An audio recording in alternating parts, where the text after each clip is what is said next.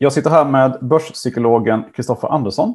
Jättekul att ha dig med. Tack så mycket Karl och tack att jag får komma tillbaka. Du har precis släppt din andra bok i ämnet eh, börspsykologi som heter Mer börspsykologi. Varför kom du in på det här ämnet från första början? Då? Det är en personlig resa och eh, det började när jag gick på gymnasiet. Så jag var väldigt duktig i fotboll och jag skulle iväg på elitlägret i Halmstad där man sen blir uttagen till landslaget och blir skadad innan. Och eh, jag var en prestationsmänniska och dömde mig själv alltid utifrån eh, mina prestationer, såväl i skolan som i umgänget som i fotbollen. Och när det här försvann, mitt liv var fotboll, så när det här försvann så eh, jag gick ner i en depression, tufft som tusan. Och då är vi tidigt, tidigt 2000-tal. Och eh, gick till eh, psykolog, gick i terapi och kommer göra det under flera år med lite mellanrum, med lite uppehåll däremellan. Där kom eh, intresset för psykologi att eh, börja. Och sen dess har jag läst och eh, plöjt det mesta inom ämnet för att jag förstår att ändringen måste komma från mig. Det är min hjärna, alltså kan jag få kontroll över hur jag förhåller mig till tankar och känslor så har jag väldigt mycket att vinna på, inte bara på börsen utan i vardagliga livet. Och därefter har jag kommit att applicera det här mot just investeringar och börsen, för vi gör samma misstag i vardagliga livet som vi gör på börsen. Så jag tänker de här metoderna du, har liksom, du skriver om i de här två böckerna, de skulle man kunna applicera även på andra områden? Absolut. Vi ser eh, flockbeteende i vardagliga livet. Eh, vi ser FOMO i vardagliga livet knapphetsprincipen i vardagliga livet, komplexitetsbias, aktivitetsbias etc. Jag tror vi alla har varit eller är på ett arbete där man sitter i ett möte och eh, några har ansvar för att fixa X och genast börjar de sätta igång för de vill visa att de aktiverar sig. Medan kanske den mer lugna, kloka kanske går att säga, men jag ska läsa på innan jag börjar att programmera eller innan jag börjar sätta ihop rapporten. Vem framstår som var den mest flitiga i eh, andras ögon? Ja, den som gör något såklart. Den som gör något såklart, ja. Mm. Men betyder det att det kommer vara bäst resultat därifrån? Absolut Nej, inte. det gör det inte. Det kan bli så, men det behöver inte betyda. Och det är likadant om vi ser på börsen. Måste du agera bara för att någonting händer? Nej, det måste du inte. Men är du till exempel en fondförvaltare så är det ju jättemånga som har investerat i dig som kommer att mer eller mindre kräva att du gör någonting. För då? betalar jag dig för att du ska sitta på händerna? Egentligen så är det ju bra att man gör det. Man betalar någon för att sitta på händerna åt dig. Men vi kräver ofta aktivitet, för aktivitet är lika med framgång eller lycka. Det behöver det inte vara. Som Warren Buffett säger och eh, som många andra säger. Alltså att en procent av, dina, av din avkastning kommer från aktivitet. 99 procent från inaktivitet. Sen kan vi diskutera vad aktivitet och inaktivitet är, för jag vill hävda att ta ett beslut att vare sig köpa eller sälja är ju ett aktivt beslut. Så är det, är det vanligaste misstaget folk gör, tror du, att de är för aktiva? Jag tror faktiskt att det är som så, speciellt nu de senaste två, tre åren när allt fler småsparare och vanliga Svenssons har kommit till börsen jag tycker det är jättepositivt, för jag vill uppmuntra alla att få en exponering och vara med på den underbara resa som börsen och investeringar erbjuder. Alla borde, och det är någonting som borde läras ut på skolor. Vi måste ta in privatekonomi för att eh, det kommer att gynna land AB Sverige. Men det är en annan fråga. Eh, men i takt med att allt fler är på Twitter, allt fler är på Facebook, i USA har vi sett Robin Hood som har vuxit upp. Alla ska köpa, alla ska sälja. Eh, senast har det varit AMC, GameStop med mera. Vi, vi ser vad alla andra gör och vill också hoppa efter. Så jag tror att en blandning mellan aktivitetsbias och flockbeteendet. De två tillsammans har blivit en väldigt farlig cocktail för många. Och vad är flockbeteendet för någonting? Eh, kortfattat är att vi har en tendens att alltid följa flocken, alltså majoriteten. För vi tvivlar och tvekar på vår egen kunskap och våra egna värderingar. Och det, det går tillbaks, då är vi tillbaks 30 000, 40 år sedan när vi levde där på steppen och savannen. Ensamma skulle vi inte överleva.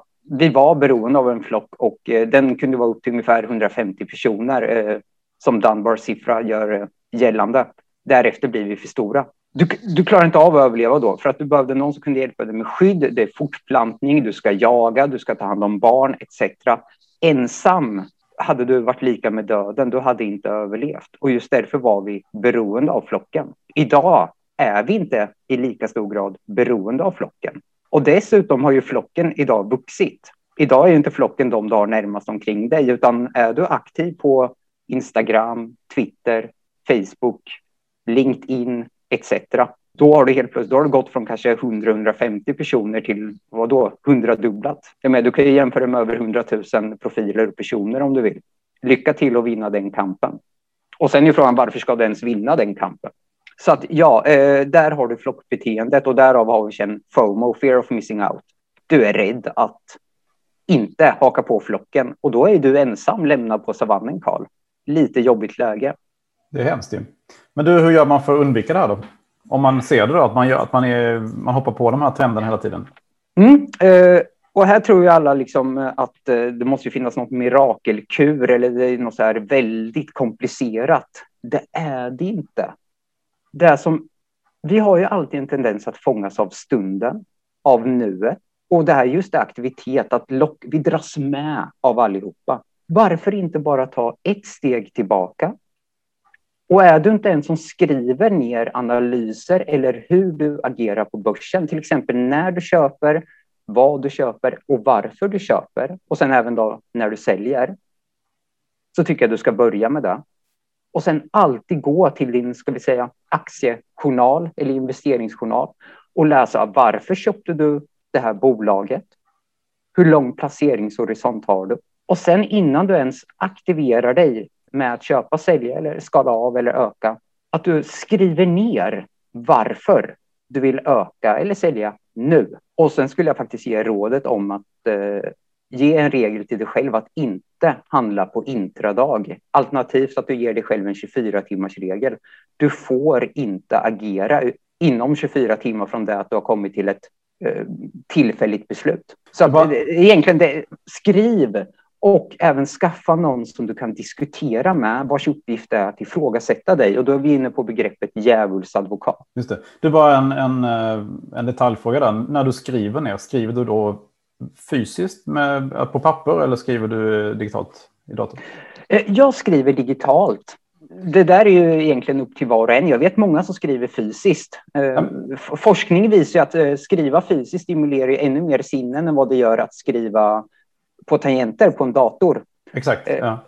Och eh, jag tror att du har nog mer att vinna om du skriver fysiskt. Jag är mer den där, jag vill ha allting tillgängligt så man kan öppna det mm. eh, var som. Men det viktiga är att du skriver och sen är det ju upp till var och en. Men, men forskning visar att allt fler sinnen stimuleras med fysiskt skrivande. Det är därför vi uppmuntrar elever än idag att inte sitta med datorer när de antecknar på lektioner utan de ska skriva med en blyertspenna och eh, på vanligt fysiskt papper. Och, och, vad ger det här i längden då? Vad, vad har det gett dig för någonting när du gör det här? Jag lär känna mig själv mycket mer. Jag kan ju absolut se mönster när man själv har drabbats av eller varit nära att drabbas av de här impulserna att köpa och sälja. Det har också hjälpt mig att undvika investeringar på ett för tidigt stadium. Självklart har jag säkert missat några av de här riktigt fina investeringarna. Men jag tror att nettoskillnaden här, alltså att eh, jag har mer vinster än förluster på det här sättet. Jag har blivit mycket mer metodisk. Och det kanske låter tråkigt, men jag tycker det är roligare att i långa loppet tjäna pengar än eh, att eh, ha lite jojo. Jag, är inte, jag har inga problem med att aktier aktiekurserna stiger och sjunker kraftigt så länge jag vet bolaget och kan det fundamentala. Men eh, idag rycks jag inte med. Jag gör inte det. Jag har inga problem att se att en aktie går upp 10 procent man har tittat på och sen känna okej, okay, just nu kommer jag inte in i den, då får jag avvakta. Det finns fler bollar att slå på om vi ska citera Warren Buffett. Du, med, I baseball, du måste ju inte slå på varje boll. Så, så att eh, du blir lugnare, du blir um, mer metodisk och du får bort mycket av den här stressen av att alltid, alltid, alltid vara aktiv, vara med, vara med i diskussionen, synas och höras. Det är ingen som tvingar dig till det. De bästa besluten gör du faktiskt efter att börsen är stängd och på helgerna. Hur gör du Karl? Skriver du? Nej, inte min privata portfölj. Har jag inte, får jag inga anteckningar på det sättet. Men jag, jag vet att eh, jag har ju läst mycket, mycket böcker i psykologi och så. Jag vet att just det här att skriva särskilt fysiskt då är ju väldigt rekommenderat att göra. Att, det är kanske något jag borde börja med. Varför inte testa? Och kanske inte göra med alla bolag, men börja liksom med ett eller två som du lockas av att köpa, öka eller ja, göra en transaktion i. Själv tog jag faktiskt idag efter eh, fyra månaders tänkande, nej men jag följt det mer noggrant i fyra månader och jag har suttit nu under den här långlediga helgen som påsken har erbjudit och eh, grundligt läst igenom allt jag kan och har om Nintendo. Så nu tog jag faktiskt min första position i detta bolag Inget eh, så impulsivitet bakom, utan lugnt, rationellt och långsiktigt så tycker jag ser väldigt fin potential i denna japanska pärla. Och när du, när du köper en aktie, köper du den flera omgångar då eller köper du? Det gör jag. Det liksom? Först, mm. Första positionen brukar vara relativt stor men sen är min plan att jag tänker att över år så ska jag skala in tre till fyra gånger till. Och jag har inte heller någon så här, den här innehavet ska vara x procent av min totala portfölj. Eh, jag jobbar inte så mycket på det sättet, men däremot så ser jag till att alla mina investmentbolag ska stå för en majoritet av mitt portföljsvärde. Så att eh, det är också någonting man lär sig, att inte köpa hela positionen direkt, utan att både skala in, eh, köpa i omgångar och då blir det ju både att du kanske skalar ner eller skalar upp. Och jag menar, fortsätter bolaget utvecklas bra så allt annat lika borde det bli att du skalar upp. Men om bolaget går bra så köper du ju absolut inte till ett dyrare pris. Vad är det mer för fallgrupper som folk ofta hamnar i? Du, du pratar ofta om det här system 1 och 2 vet jag. Mm, och det har vi pratat om lite tidigare. Men kortfattat är det också en rest vi har från eh, vårt tidiga liv här på jorden Eh, hjärnan har alltid, under hela vår historia har vi, förutom de senaste 150 åren ungefär, varit, eller vi är beroende av mat idag också, men vi har haft svårt att få föda. Det har alltid varit en knaper tillgång. Och eh, hjärnan väger i och för sig bara en och en halv kilo, men står för ungefär 20 procent av all energi som vi förbrukar. Det betyder att den och dens viktigaste uppgift är ju att vi ska överleva det är ju den primära instinkten, alltså överlev och se till att rasen, människan, Homo sapiens, överlever. Utan mat så riskerar vi, eller så kommer vi att dö. Och hjärnan är alltså därför konstruerad på att i, långa, i längsta möjliga mån att hushålla på energin. Och system 1 är ett beslutssystem som är igång dygnet runt hos oss. Tyvärr är inte det här så jätteklokt, inte alltid i alla fall. Det litar mer till slumpen. Det generaliserar och utgår faktiskt från tidigare beslut och uppfattade mönster och rutiner. Och eh, det har hjälpt oss väldigt mycket. När vi såg en tiger eller lejon på savannen så snabbt som tusan, det är fight or flight. Vi sprang. Det funkar i de lägena. Medan det kanske inte är så positivt om vi nu har här eh, Rolf, 50 år, kraftigt överviktig, diabetes 2 som inte ätit lunch, är hungrig på väg hem. Han vet att doktorn har sagt att äter du en till Big Mac så riskerar du att få en stroke och dö. Åker hem, ser att McDonalds är öppet på vägen. Är inte det alltid Svin... öppet? Ja, det är alltid, ja, och sen svinhungrig. Troligtvis kommer hans system säga, nej, det är ingen fara, vad är chansen? Och du är ändå så himla hungrig. Stick in och käka nu så du blir mätt. Jag tror vi alla har känt den där enorma hungern. System 2 däremot i det här läget skulle säga att det skulle ta lite mer kraft av oss, mer energi, men det skulle tänka, men du Rolf, långsiktigt, är det här hållbart? Vilka risker finns med? Är det inte bättre att om du nu ändå ska in på McDonalds så tar du en sallad? Eller klarar du av att hålla ut i cirka 20 minuter till till du kommer hem? Där du kan göra en snabb, enkel grönsaksomelett och eh, få i dig nyttig och energirik mat. Ska vi översätta det här till börsen? Eh, det går upp, jag köper. Det går ner, jag säljer, rädda pengarna eh, panikkänslorna kommer. Kortsiktigt så försvinner ju ditt obehag, för kroppen hatar obehag. Hjärnan hatar obehag. Och varför? För det kostar energi. Och energi har vi haft ont om, förutom de senaste 150 åren. För i år, nu har vi ju överskott av det. Idag är ju inte svält det stora hotet mot mänskligheten. Idag är det överätning. Vi håller på att äta ihjäl oss. Men så har det inte varit historiskt. Så hjärnan vill ju ta snabba, enkla och energi mindre energikostsamma beslut. Och det är därför vi än idag, vi tar genvägen till jobbet. Du googlar läxan istället för att läsa boken. Eh, du läser inte årsrapporten utan du kollar på Twitter vad någon har skrivit i en tweet på 200, vad är det, 280 tecken. Ja, men det räcker. Det, med, vad kan gå fel, Carl, med Nintendo? Med långa loppet borde gå skitbra. Kanske går ner lite där, men då ökar vi och ja, nej, men det blir nog bra. Nu går vi ut och tar en promenad. Där mm. har du så att eh, system två, mer energikrävande, men då kommer det också komma fram till mer logiska och rationella beslut. Med det sagt betyder det inte att system 2 beslut alltid är de bästa. Nej, för jag tänker det är ganska vanligt att man komplicerar saker för mycket också med system 2. Mm. Att du försöker hitta liksom de bästa investeringarna i Indonesien till exempel.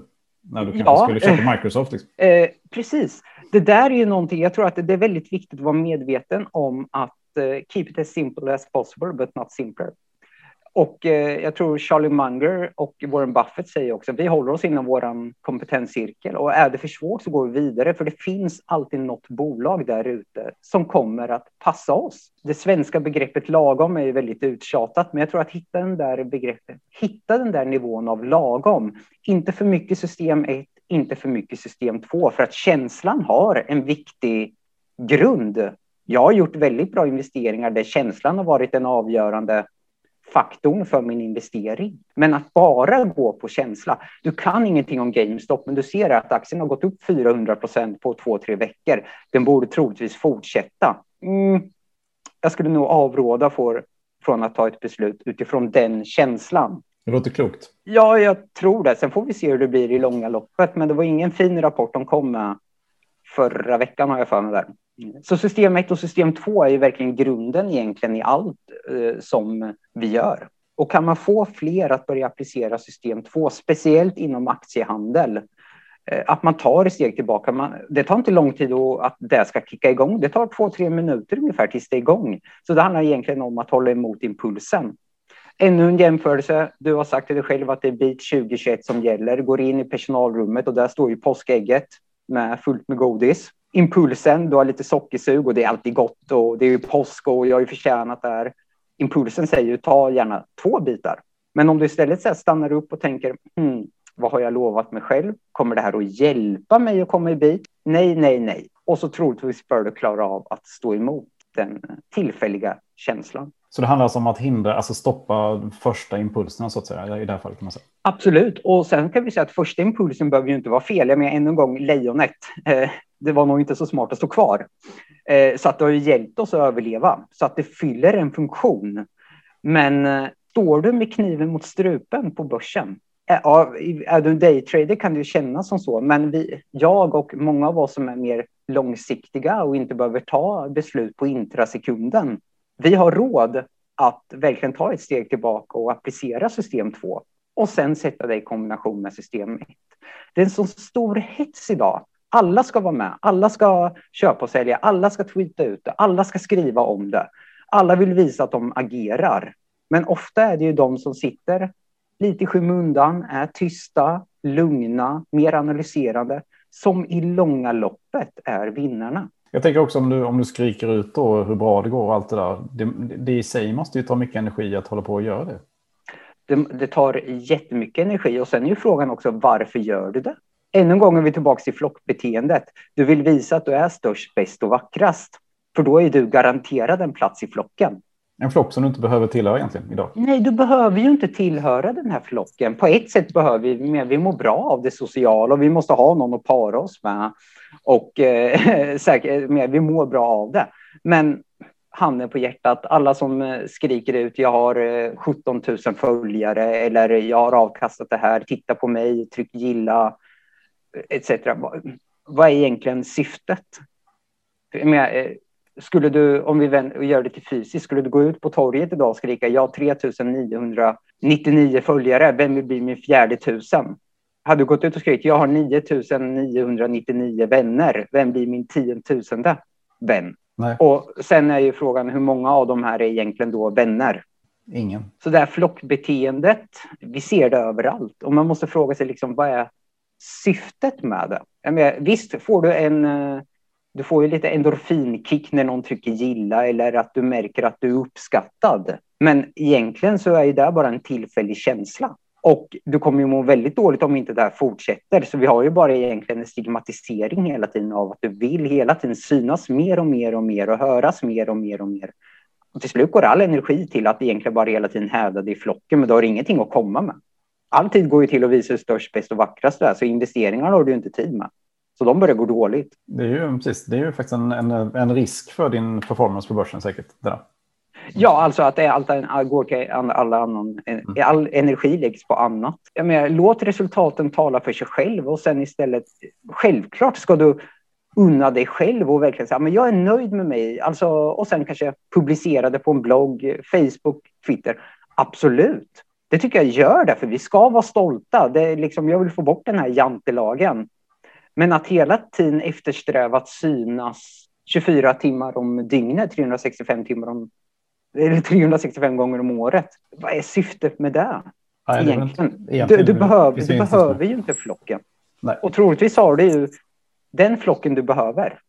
Den har du ju närmast dig. Det är ju familjen, dina vänner och bekanta. Men du, du har ju, det finns ju en annan fälla här som du tar upp. Illusionen om vår egen förträfflighet kan man väl kalla det? Ja. Det är väl också en fälla? Det är det. För självklart ska vi slå oss själva så på bröstet. Alltså vi, eh, vi ska slå oss själva på bröstet för vi gör väldigt mycket bra när det går bra. Men eh, vi måste ändå komma ihåg att i alla fall, i alla, alla fall finns det alltid en eh, turfaktor som spelas in. Vi har alltid lite tur. Det är alltid på något sätt en liten, i ekvationen för framgång så finns alltid lite av den här gnuttan tur.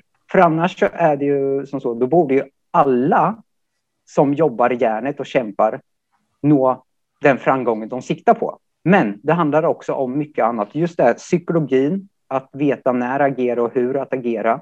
Men också ha tur, tillfälligheter. De som kom in nu på börsen för nästan exakt ett år sedan, för det är nu börsen börjar stiga lite för ett år sedan. De hade ju tur rent tidsmässigt och har troligtvis en avkastning nu på mellan 70 till 80 procent.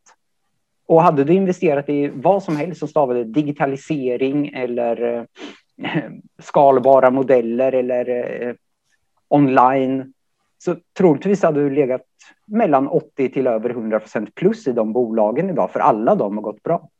Hur många av dem har fundamentalt gått lika bra? Troligtvis inte alla. Så absolut, slå dig själv på bröstet när du har lyckats, men kom ihåg, det är alltid lite, lite tur med det hela. Och hybris, eh, vi får läsa om det i de gamla grekerna. Ikaros får för sig att han ska kunna flyga, flyger lite för nära solen och vaxvingarna smälter och han störtar. Kung Oidipus tror sig kunna se och höra allting. Han ser inte att han själv är mördaren. Hans straff blir att han skär ut sina egna ögon, för han, vad ska han med ögon till? Han kan ju ändå inte se. Sisyfos blir själv drabbad och hans straff är att rulla upp en sten för ett berg gång på gång varje dag. Så att hybris kommer alltid att straffa sig. Undvik det. Slå dig själv på bröstet, absolut, men glöm inte att det finns alltid en viss tillfällighet som styr. Mm. Utgå alltid det, från att det kan gå fel, ska man säga? Eller? Det skulle man äh, absolut äh, kunna göra. Men jag tror att det viktiga i det här fallet är att tänka på att äh, hur hade du sett på det om det hade gått dåligt? Jag tror faktiskt du hade sagt att det var otur då, va? Ja, det var otur. Mm. Okej. Okay. Vi hade sån jäkla otur. Ja, exakt. Jaha, okej. Okay. Så att turen finns när det går dåligt, men det finns ingen tur när det går bra. Har jag förstått det rätt då, Carl? Precis. Ja, fascinerande. Vilken härlig ursäkt att kunna dra till den. Mm. Uh, uh, Zlatan sätter straffen.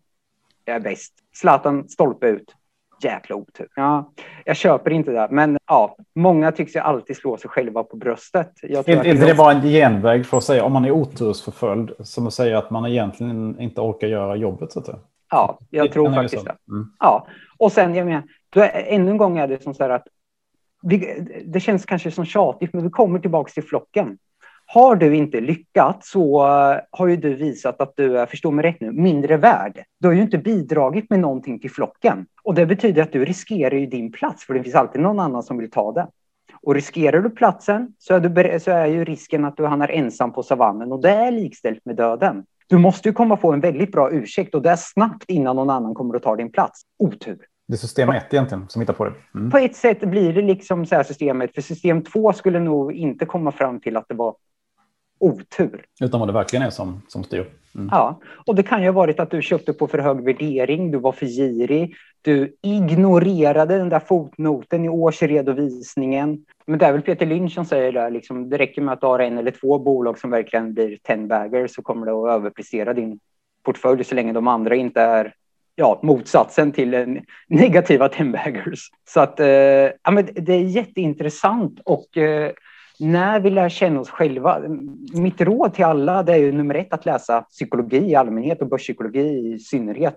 Men också läsa historia och framförallt kulturhistoria. Vad har, hur ser människans historia ut och hur ser det ut i rent kulturellt? Jag tycker citaten talar för sig själva där. Eh, history doesn't repeat itself but it rhymes. Eller history doesn't repeat itself, man does. En pandemi, det är inte första pandemin vi fick, Karl. Vi har haft väldigt många. Det var inte länge sedan vi hade asiaten, vi hade sars. Vi kan gå tillbaka till pesten i London. Vi kan gå tillbaka till den atenska pesten, digerdöden, spanska sjukan. Jag skriver mycket om det i den nya boken. Ändå står vi här precis som att det är första gången det händer. Liksom då, liksom nu, drabbades vi av panik. I Sverige var det visst en tävling i vem som kunde köpa mest toalettpapper och sen sälja på Blocket. Och handsprit. Och handsprit. Ja, handsprit vet vi att vi behöver. Det där toalettpappret vet jag inte var det kom ifrån.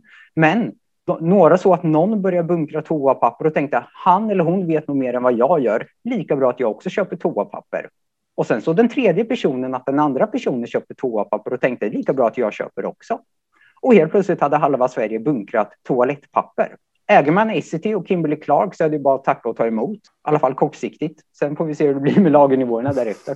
Men eh, där har du lite av eh, historia. Läs på. Hur har det gått i tidigare kriser? Finanskrisen, eh, oljekrisen, bostadskrisen i Sverige. Det är väl som eh, jag för mig det är Churchill som säger never let a good crisis go to waste. Precis, man ska dra nytta av dem. Man ska dra nytta av dem. Och sen som jag brukar säga lite skämtsamt till de mina närmsta här bara att ja, men tänk om det inte stiger igen. Ja, fast då har vi något annat att oroa oss över. För börsen är ju ett sorts derivat på världen. Fortsätter världen att utvecklas och med världen är det ju världens bolag. Fortsätter de att utvecklas stiger börsen. Slutar de att utvecklas, ja, då sjunker börsen och eh, slutar de att utvecklas i långa loppet, då står vi här med konservburkar och vapen och då är det nog skitsamma vem som hade mest pengar på bankkontot, utan då handlar det om vem som har mest konserver, ammunition och vatten. Så när vi får de breda nedgångarna, då ska vi verkligen sätta igång, bara att det svider ju något så enormt inom oss. För vi går ju emot flocken. Anledningen till att det sjunker är ju att alla säljer. Flocken säljer. Så det är vikten av att vara i contrarian i rätt ögonblick där har du en formel för lyckad framgång tror jag på. Du pratar i nya boken pratar du om något som heter, eh, du jämför med, med soldat eller scout. Vad är det för någonting? Ja, eh, jätteintressant eh, perspektiv vi kan ta. Jag har tidigare i första boken så utgår jag mycket från Carol Dweck och Duckworth bland annat. Och då har vi något som kallas för statiskt och dynamiskt mindset. Eh, det dynamiska mindsetet är ju de som vet att eh, man hela tiden lär sig och att eh, motgångar, misstag, förstå mig rätt, misslyckanden, och då menar jag inte det så statiskt utan som dynamiskt, det är möjlighet till att läras och utvecklas. Det du och jag inte har gjort, det är ju att sitta och tänka där, nej, aktier var ingenting för mig, det är lika bra jag lägger ner. Nej, det är inget alternativ. Nej, för då har ju du också sagt, jag föddes inte som Warren Buffett, alltså kan jag inte bli Warren Buffett. Michael Jordan föddes ju inte som basketproffs. Tiger Woods föddes inte som basketproffs. Bill Ackman föddes inte som det duktiga investerarna. De har blivit det genom att hela tiden träna, träna, träna. Och misstag och motgångar, det har bara gett dem mer energi att fortsätta. Precis, man, ska, Balboa... man ska vara lite tacksam över de här misstagen man gör egentligen. För att absolut, absolut. Man får lärdom av dem. Mm. Ja, det var som, eh, jag kommer ihåg när vi var lite yngre och spelade pojkfotboll. Fanns det ett lokalt lag som vann, vann, vann, vann. Fick aldrig lära sig att förlora och när de väl åkte på en förlust så var det totalt fiasko. Hela deras säsong förstördes. De hade aldrig varit med om det. De började tvivla på sig själva och du mår bra av motgångar. Rocky Balboa säger där liksom, it ain't how hard you hit, it's about how many times you can get hit and still keep pushing forward. Precis. Ja. Jag älskar verkligen det uttrycket. När jag drabbas av motgångar eller misstag så absolut så blir jag arg på mig själv. Men jag tänker, jag ska inte hamna här en gång till. Hur kan jag gå tillväga för att inte hamna här en gång till? Så om du nu sitter med en portfölj där det är väldigt mycket rött, sitt inte och säg att det var otur eller att du på något sätt är en dålig investerare. Okej, okay, just nu ser det inte bra ut. Vad kan du göra för att utveckla det? Och när vi nu vill komma in här på eh, scout, Eh, ett scout-mindset och en soldats mindset, så, och då vill jag också koppla till någonting som jag skriver om i första boken och det är konfirmationsbias. Och konfirmationsbias går ut på att vi alltid, när vi redan mer eller mindre har bestämt oss för någonting, när vi äger något eller när vi redan har bestämt oss för att äga det, bara för att vi inte har gjort själva transaktionen än, så letar vi fakta som konfirmerar våran tes. För att det tar ingen energi. Att få ryggdunkar tar ingen som helst kognitiv energi från oss. Däremot att läsa om sånt som går emot oss, då börjar det ju bli jobbigt i huvudet för då måste vi hitta argument emot och det tar ju energi. Ska vi stå och argumentera mot någon så tar det enormt med energi. Så just därför när vi läser något mer negativt, direkt slänger vi undan det. Det är ju bara jobbigt. Det tar ju bara tid. Jag har redan bestämt med H&M är en jättefin investering. Kan inte gå fel. Där har du, och som sagt, hjärnan vill spara på energi för den är ju van med att inte kunna få mat 24 timmar om dygnet. På ett sätt kan man likna där att det finns hos en soldats mindset. Bara det att här är det ännu mer statiskt. En soldat, dens främsta uppgift är inte att döda. En soldats främsta uppgift är att skydda. Och det en soldat gör är att den står i skyttegraven och skjuter på allt som på något sätt går emot det du försvarar. Medan en scout däremot, de ger sig ut och utforskar terrängen. Klättrar upp i träden, kollar djupet på sjön, känner doften, lär känna av djurlivet och ekosystemet som finns. Därefter har de sonderat terrängen och vet hur bäst att agera. Men en soldat, han står bara och skjuter mot allt som rör sig och som har fel uniform på sig. Så jag tycker att man ska liksom ikläda sig den här rollen av en scout. Man ska se hur det verkligen ser ut helt enkelt. Precis, och om du nu ska investera i H&M, sondera terrängen inom retail och främst då inom mode och eh, kläder. Och skjut inte på alla som säger att H&M är en dålig investering. Lyssna på dem. Ta åt dig och sen se vilka argument väger tyngst, dina eller deras. Så att vara scouten som hela tiden söker fakta, som hela tiden är benägen att röra på sig, att utvecklas och att finna nya svar är en bra väg för att utvecklas både i livet men absolut på börsen. För annars är det ju risken att du sitter där med ett Kodak moment. Ja, men Kodak det är en jättefint bolag, det kommer gå jättebra. Men foton det är liksom... Det har funnits över hundra år. Ja, exakt, det har funnits i över hundra år. Men människan kommer inte sluta ta foton. Eller hur? Nej, det kommer vi inte göra, men vi kommer sluta med de där traditionsenliga kamerorna. Sen kom eh, iPhone eh, med Steve Jobs. Så att, eh, ja, där hade vi nog många soldater som satt i sina skyttegravar där i Kodak-aktien. Garanterat. Eh, mm. Garanterat, absolut. Samma i Nokia. Och, samma i Nokia, mm. absolut. Så att eh, att ta det här scout-mindsetet. Jag tycker det är bra att jobba med metaforer. Sen behöver inte, nu ska jag sätta mig ner och leka scout, det är inte så man behöver tänka, men du bör ändå liksom hela tiden utgå från att du kan inte så mycket som du tror dig kunna. Jag menar, en eh, narr tror sig vara vis medan en vis man vet sig vara en narr. Och sann kunskap är ju att veta vad du vet och veta vad du inte vet. Mm, och känna sig själv. Och känna sig själv. Ja, så eh, det här med mindset är ju jätteviktigt och att hela tiden söka nya fakta och gärna fakta som eh, talar emot och lyssna på dina meningsmotståndare. För annars kommer det aldrig utvecklas. Precis, det är väl ofta ett problem i, i sociala medier idag att man just inte lyssnar på dem som säger emot. Ja, och sen får man ju också utgå från så länge tonen är god och adekvat, att man inte börjar med personliga påhopp eller eh, att man är allmänt dryg. Så länge det är en god ton så tycker jag, då uppmuntrar och välkomnar jag sådana kommentarer och ja, kommentarer, meddelanden etc. Så länge tonen är god och det är adekvat och sakligt, eh, på saklig basis, då ska vi hylla sånt. Men så fort någon säger att ja, det här är en dålig investering och du svarar med nej, du suger, dra åt helvete eller något sånt och sen blockar, ja, då är du en soldat som bara står och skjuter. Hur har ditt eget agerande förändrats med det här? Alltså, men letar du verkligen efter människor som motsäger sig det du investerar i? Letar du aktivt efter det? Jag skulle inte säga att jag letar aktivt över det. Däremot så har jag faktiskt ett väldigt bra och nära kontaktnät med personer som jag bedömer har olika bra egenskaper och kunskaper, eh, som har olika investeringsstilar. Och vi äger inte nödvändigtvis alltid samma bolag, vilket jag ser som positivt. Och jag brukar liksom då och då, man eh, gärna fick ta telefonsamtal. Och då kan det bli att man pratar i över en timme när man vänder för och nackdelar mot varandra. Så jag har, min, jag har ett härligt gäng av mina djävulsadvokater. Eh, och sen skriver jag även då och då även på blogg och eh, Twitter och även då får man ju väldigt bra feedback. Och eh, det är mer ofta än sällan som man får de där, ah, jag skulle se upp för det här, du har missat det här, eh, tänk på det här, tänk på den skulden, kolla ägandet etc. Så att mitt förhållande, jag, jag är ingen expert. Jag har ett kagger på ungefär 12 procent sedan jag flyttade till Avanza 2000, våren 2013 har jag för mig det var. Och visst, det är bättre än index än så länge. Jag är fullt övertygad om att i långa loppet kommer jag ha svårt att slå index. Så jag är ingen expert på det. Men herregud vad jag sover gott och herregud vad kul det är när utdelningarna tickar in.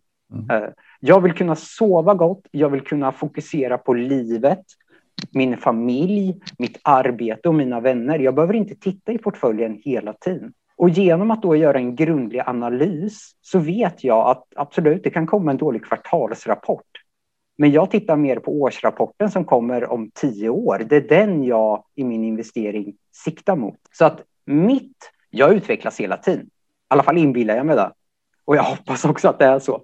Eh, men mitt förhållande, jag har blivit än mer lugnare och än mer bra. Jag skulle inte vilja säga duktig, men bra på att analysera bolag. Det går snabbare. Jag vet mer och mer vad jag ska leta efter beroende på i vilken sektor vi rör oss. Så att ett bra kontaktnät och att skriva, de två aktiviteterna är perfekta att, att eh, applicera i investeringar. Kan vi gå in lite på dina egna investeringar just nu? Vad, vad är, vad, vad är dina största innehav? Största innehaven, och här är jag lite ska vi säga, lite contrarian eller agnostiker, det beror på hur man ser det. Jag kollar aldrig på bolag eh, på nuvarande värde, utan jag ser hur mycket har jag investerat.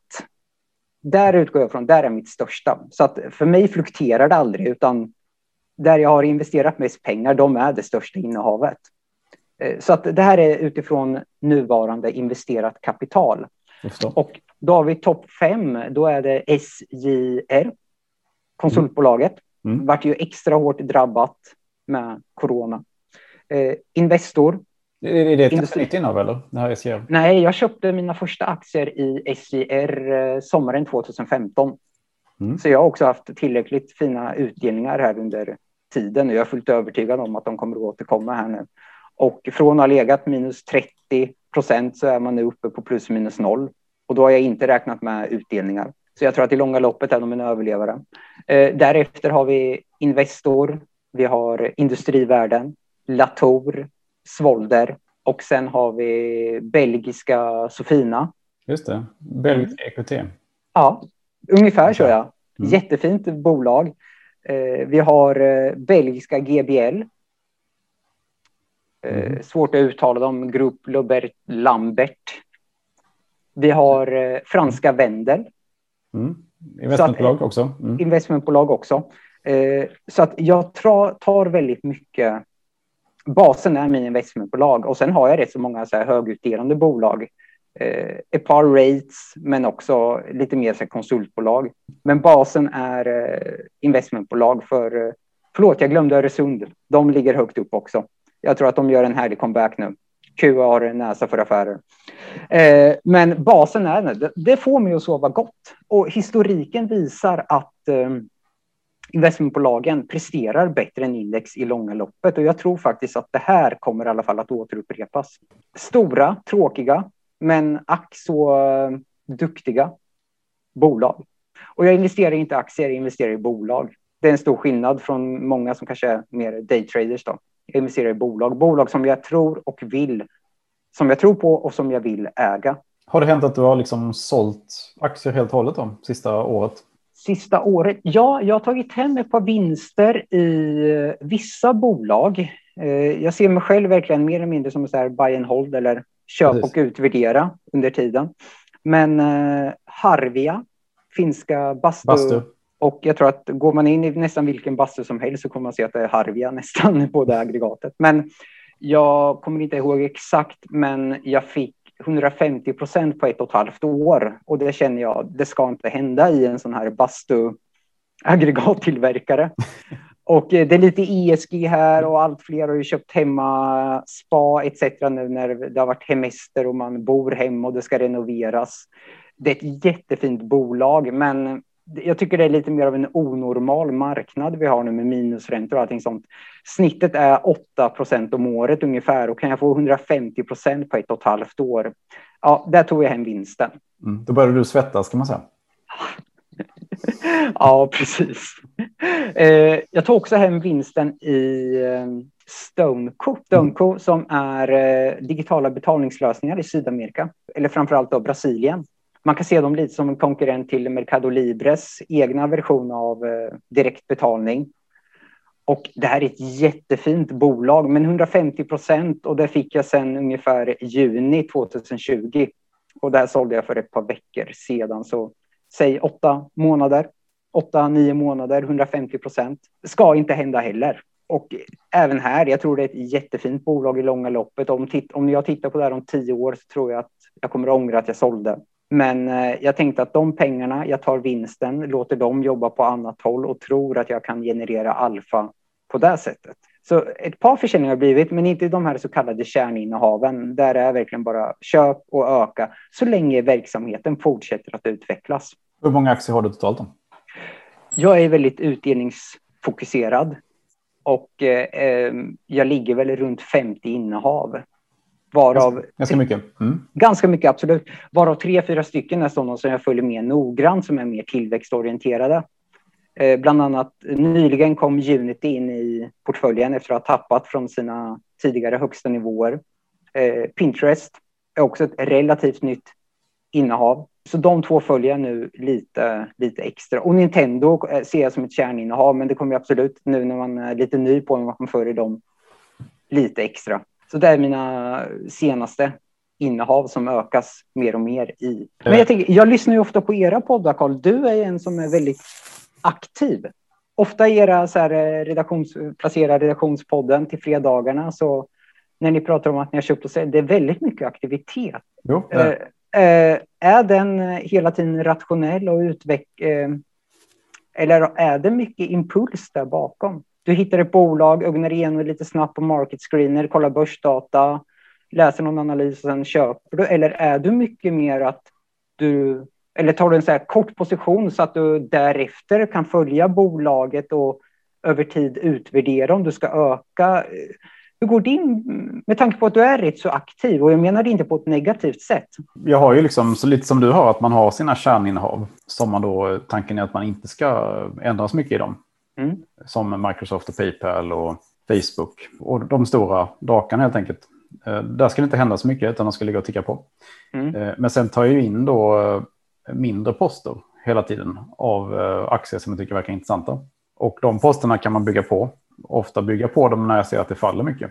Ja, som till exempel solteknikaktier som är väldigt volatila eller biotechaktier är väldigt volatila. Mm. Och i lägen då när det, när det är väldiga fall på marknaden, då kan man addera lite grann i dem hela tiden. Och det är därför kanske det ser ut som att jag gör väldigt mycket då. Mm. Men det är, inte, det är inte speciellt mycket pengar i, i om man ser till vad hela portföljen är. Nej, utan här är lite mindre men ständiga ja. ökningar. Och givet att det sjunker. Ja, exakt. Och eh, det är väldigt sällan jag liksom säljer av ett helt innehav ändå. Det, det, det är då det blir sådana enorma rusningar kan det bli. Eller om det blir uppköpt då såklart. De här mindre mm. biotechbolagen, många av dem är ju, det läggs ju ganska mycket, ofta bud på dem också. Mm. Eh, så att det är lite därför jag tycker om att ha många sådana chansposter då. För att jag har märkt att det, det kan löna sig väldigt mycket att ligga i många aktier. Det kan det absolut göra. Eh, och man ska alltid utgå från sig själv och sin egen strategi. Och eh, historiskt har du lyckats bra, Karl, så varför ändra på ett vinnande koncept? Så länge ja. du hela tiden ser till att utvärdera det och eh, också faktiskt eh, förbättra det. Precis. Super, så tack att du var med. Ha det gott. Mm. Ta hand om dig och tack. Detsamma. Hej. Hej.